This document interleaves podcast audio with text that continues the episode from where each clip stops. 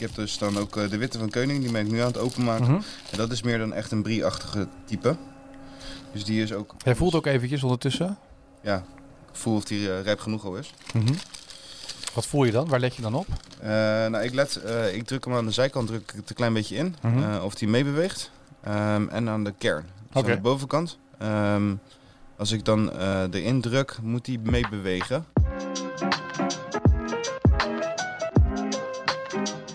Gaat vooral om kazen die op een kaasplank kan leggen. Daar gaat het vooral om ook, ja, geitenkaas, wit schimmelkaarsjes, roodbacterie, harde kaas en blauw schimmel. Maar zitten daar stokjes bij? In de Ja, dat verpakking? is om te zorgen dat, eh, dat hij niet tegen de verpakking aan blijft. Oh, oké. Zal jou eh, de kaas geven. Kijk eens. Oeh. Als zij nu zouden ruiken wat wij ruiken... Oh. Eh, het is toch juist hartstikke leuk om juist iets uit Nederland te hebben. En juist om, zeker nu in de coronatijd, om locals te supporteren. Dit is de podcast. Maar zeker nu met de koudere periode, haal hem gewoon echt gewoon een uur van tevoren eruit. Ik zeg ook altijd van, je kan wijn kan je beter te koud serveren. Die kan warmer worden. En kaas kan je beter te warm serveren, want die kan je niet meer koud krijgen. Dus in ieder geval die... Een podcast over Nederlandse kazen. Ik was ook wel op zich verliefd op deze kaas, moet ik zeggen. Dus hij heeft dat room, maar hij heeft wel precies dezelfde structuur. En je verwacht als je hem in je mond doet in een hap... dat je ineens die, die tik van geitenkaas krijgt. Maar die zit er niet in. En kaasplanken. Hartelijk welkom bij eh, aflevering 4 van de podcast. En je hoort op de achtergrond al het geritsel van eh, eh, de verpakkingen. Maarten is bezig met het uitpakken van de diverse kazen. Het thema van deze podcast eh, is eh, de witte kaas, toch? Ja, vandaag eh, inderdaad uh, wit schimmelkaas. Witschimmelkaasjes. Nou, ik ben heel benieuwd. Wat heb je allemaal meegenomen? Nou, ik heb eh, vier verschillende of, eh, drie verschillende kaarsjes meegenomen. Ja. Ehm, dat is de eh polken eh, van boerderij Keuning. Mhm. Dat is de nieuwste aanwinst die zij heeft. Bedrogend van structuur, maar wel romig qua smaak. Ehm, het eerste kaarsje wat ik ooit van haar heb geproefd is de witte van Keuning. Mhm. Dat is een beetje een brie-achtige soort. Ja. Ehm, en ik heb dan ook uit Frankrijk iets meegenomen.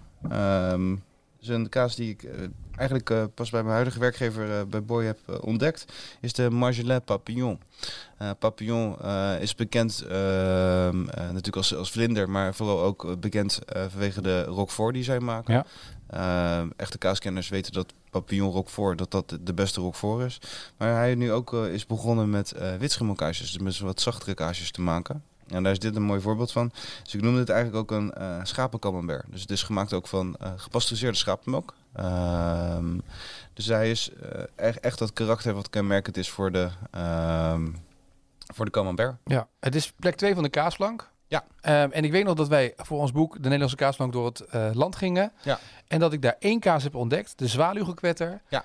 Ik ben nog steeds op slag verliefd op de zwaluwgekwetter. En vooral het temperament, want die hebben ze in twee smaken. Ja, klopt. Die temperament, als je die openmaakt, die smaak, die geur, dat, ik vind dat een weergaloze kaas. Ja, dat is, dat is eigenlijk. eh, ik weet dat ze zelf niet wil dat het zo wordt genoemd. eh, maar dat, ja, het is eigenlijk gewoon een Nederlandse camembert. Ja. Ehm, de, de geur, de, de smaak, eh, de beleving.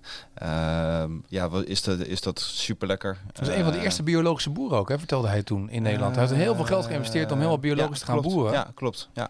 Samen met eh, de Remeker. Ja. De Remeker is de eerste geweest, maar hij is ook vrij snel inderdaad eh, over, overstag gegaan. Eh, en ik weet ook wel dat we toen tijdens ons bezoek eh, dat, ehm, eh, dat hij ook met een biohotel bezig was. Ja, is inmiddels af, hè, al een ja, tijdje. Ja. ja, dus die, dat hij dat helemaal echt ook allemaal weer met de spullen, dus constant weer met de rolering eigenlijk op het land. Eigenlijk alles maakt daarvan wat hij op het land vindt. Ja. Dus daar gaat hij dan wat van maken. Er gaat trouwens dan volgens mij een vrachtwagen voorbij. Als mensen denken, wat hoor ik op de achtergrond. dus dat, weten ze dat ook. Want hij maakt zelf niet de kaas Nee. van zwaluwgekwetter. Maar Nee. hij laat het maken door een kaasmaakster. Ja, ja heeft hij, Hermine heeft hij daarvoor eh, voor in dienst genomen. En eh, hij heeft dan boven de stallen heeft hij, eh, heeft hij de rijpingskamers en de kaasmakerij. Ja. Ehm, en dan mochten we ook niet kijken. Dan mochten we Nee. ook niet naar binnen. Eh, dat was echt het heiligdom eh, van, eh, van Hermine. En eh, eh, ja, ik ben hem inmiddels ook alweer een paar keer tussendoor tegengekomen. Of heb ik eh, gesprekken met hem nog gevoerd. En, eh, maar de zwaardigkwetter heb ik vandaag niet meegenomen omdat hij nog niet eh, rijp genoeg was. Nee. Eh, dus ja, ik wil wel gewoon natuurlijk eh, zorgen Hij mag dat- alleen even kaas in de podcast. ja, ik. precies. Ja, nee. Ehm, dat is ook waar ik zelf meer mee bezig ben nu ook om de kazen verder te rijpen en dat meer in de gaten te houden. Nou, kom op met die dus, kazen. eh, Wat gaan we We proeven? gaan beginnen met de polken. Ja, de polken. Dat betekent dus ook paaltje. Ja. Maar zitten nou stokjes bij? In de Ja, dat verpakking? is om te zorgen dat, eh, dat hij niet tegen de verpakking aan blijft. Oh, oké.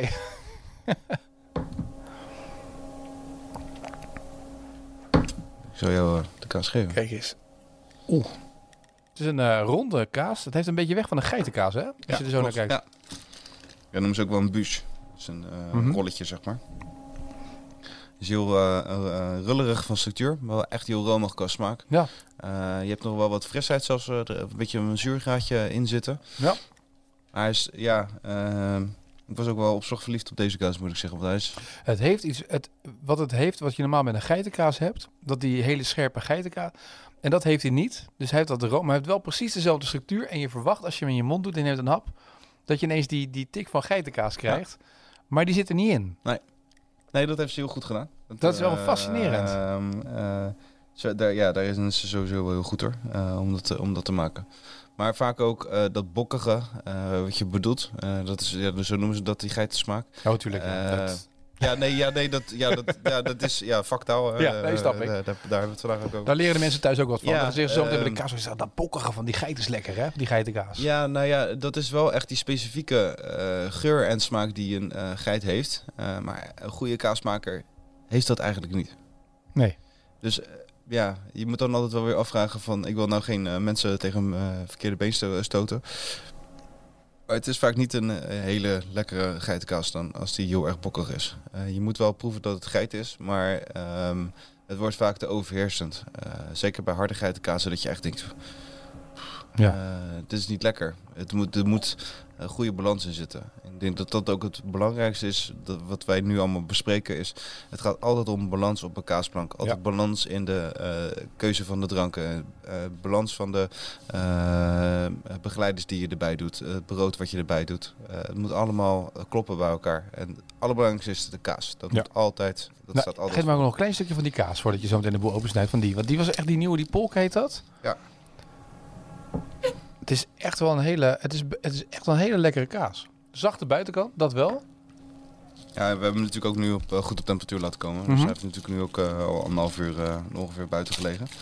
Ehm, ik heb dus dan ook de witte van Keuning, die ben ik nu aan het openmaken. Mhm. En dat is meer dan echt een brie-achtige type. Dus die is ook... Hij voelt ook eventjes ondertussen. Ja, ik voel of die rijp genoeg al is. Mhm. Wat voel je dan? Waar let je dan op? Eh, nou, ik, let, eh, ik druk hem aan de zijkant druk ik het een klein beetje in. Mhm. eh, of die meebeweegt. Ehm, en aan de kern. Dus aan de bovenkant. Ehm, als ik dan erin druk, moet die meebewegen. Ehm, nu voel ik al dat deze nog net even wat iets langer mag. Oké. Hij is al lekker, maar hij kan nog net twee, drie dagen langer, zeg maar. Eigenlijk zou hem... ook Want dan deze- weert hij weer omhoog.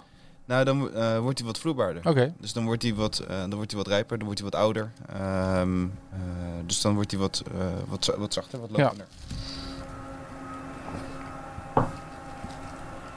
En dat hoor je nu ook, dat ik ook een, ik hoor ook een tikje. Mhm. Je hoort een tikje. Ja, dat ik hem dan op de tafel zet. Deze kaas heeft aan de binnenkant heeft hij een heel wit gedeelte en daaromheen is het wat romiger, wat brie-achtiger. Nou, dit is dus wat ik bedoel, eh, met dat hij nog, hij mag dus nog wat rijper. Eh, dat binnen moet eigenlijk ook vloeibaar zijn. Dezelfde kleur hebben eigenlijk. eh, ja. Ja, dus hij kan nog gewoon een paar dagen langer wachten. Het is niet dat de smaak nu al heel anders is. Ik proef hem ook even mee trouwens eh, tussendoor. Mhm. Maar hij is wel lekker. Ja, zeker. Maar wat ik zeg, hij mag nog... Dan wordt hij nog wat zachter. Ja. Hij is nu al prima van smaak. En zo, dus daarin merk je zeg maar, dat eh, de smaak heel constant is. Mhm. Of de kaassmaak heel constant is. Maar dat hij nog net even iets meer... eh, iets ouder mag worden. Want dit is een beetje eh brie camembert-achtig, hè, deze kaas. Ja, dit is een brie, brie soort. Precies. ja. Want dit heeft niet dat... ehm, ik vind dat het bij Camembert het hele kenmerkende... Ook als je in het... Ik ben zelf ook in het dorpje Camembert geweest in eh Normandië.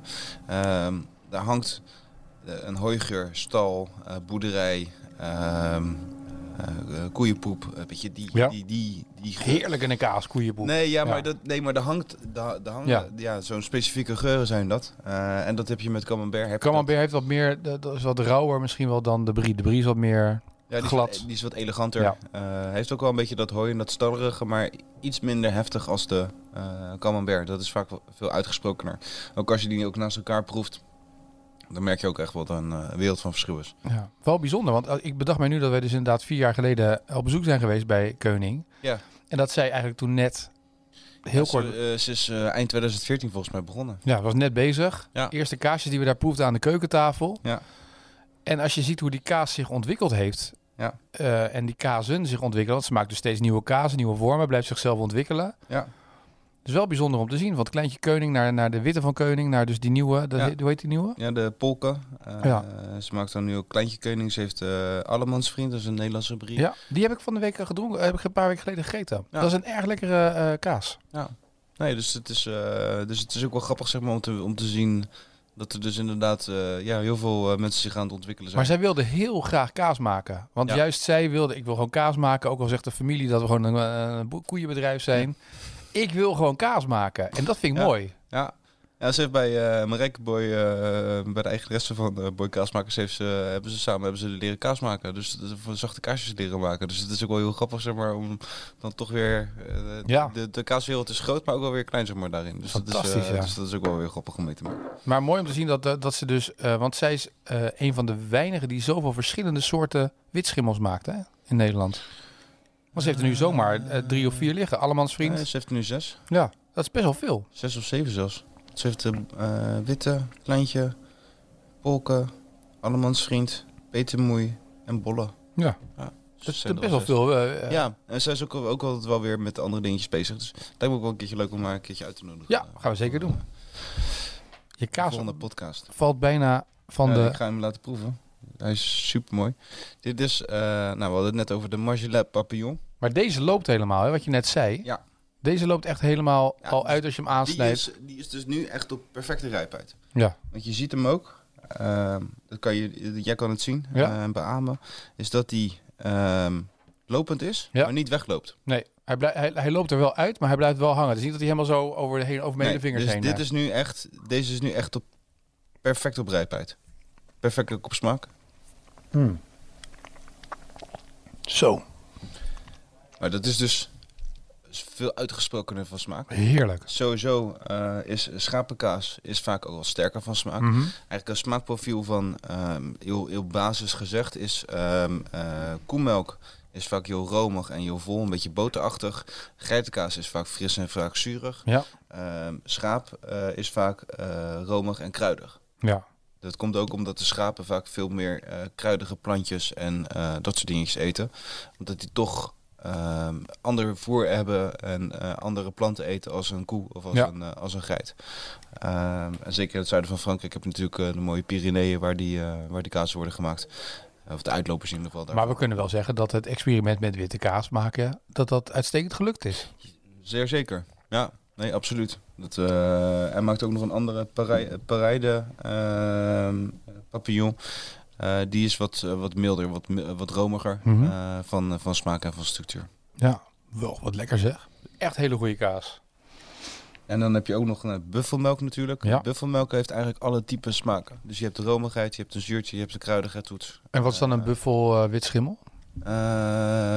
Nou, toevallig heb ik nu het assortiment een camembert de Bouffala. Dus eh, echt een buffelcamembert. Mhm.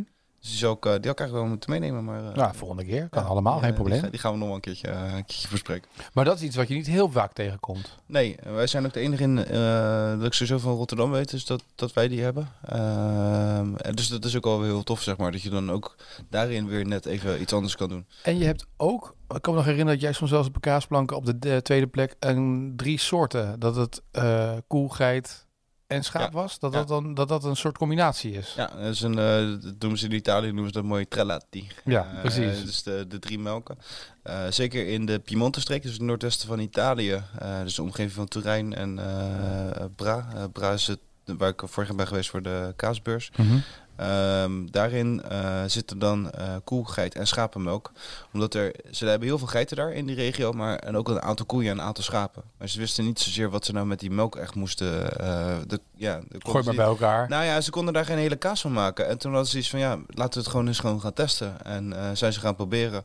Ja, praat ik echt over begin 19e eeuw hoor. Dus Mhm. het is echt gewoon... Het is niet vorige week geweest. Nee, het is niet, niet dat het net bedacht is.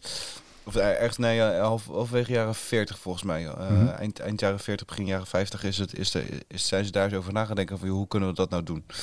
Ehm, ja, en dat is, uiteindelijk is dat dus tot de, eh, gekomen. Dus je ziet daarin ook heel veel verschillende kaarsjes. Je hebt de Robbiola Trelati, je hebt Latour. Ehm dat zijn echt allemaal echt van die kaarsjes waarin het is hoofdzakelijk wel echt uit de Piemonte. Maar wel heel romig altijd, hè? Heel vol. Ja, maar ja, dat komt omdat je dus eh, die drie melken hebt. Dus je hebt Ja. dan eigenlijk alle drie de kenmerken, de drie smaakkenmerken heb je eigenlijk allemaal in één kaas zitten. Een Cabrales bijvoorbeeld, daar Ja. hadden we het natuurlijk al eerder over gehad. Blauwschimmel, Eh, die is ook eh, eigenlijk altijd sowieso altijd gemaakt van ruil melks. Maar er zit vaak koe en geit in, of koe en schaap in, of koe, schaap en geit. Ja. Of alleen schaap en geit. Dus daarin wordt ook weer verschillen gemaakt, zeg maar. Dus het is ook weer net ehm, eh, wanneer ze de melk eh, krijgen of wanneer ze de melk hebben. Ehm, begin van het jaar, in januari en februari, zijn er weinig tot geen eh, schapen- en geitenkaarsjes. Mhm. Omdat dan de schapen en de geiten drachtig zijn. Dus Mhm. die dan de melk puur bewaren voor de kleintjes. Dus dan zie je geen geitenkaarsen bijna. Nee. En er zijn ook, er zijn ook wel boeren die steeds slimmer zijn door, eh, zo weet ik, ik weet niet of je dat nog weet, maar we zijn bij Picobello geweest in Ja. eh, Brabant. Brabant, ja.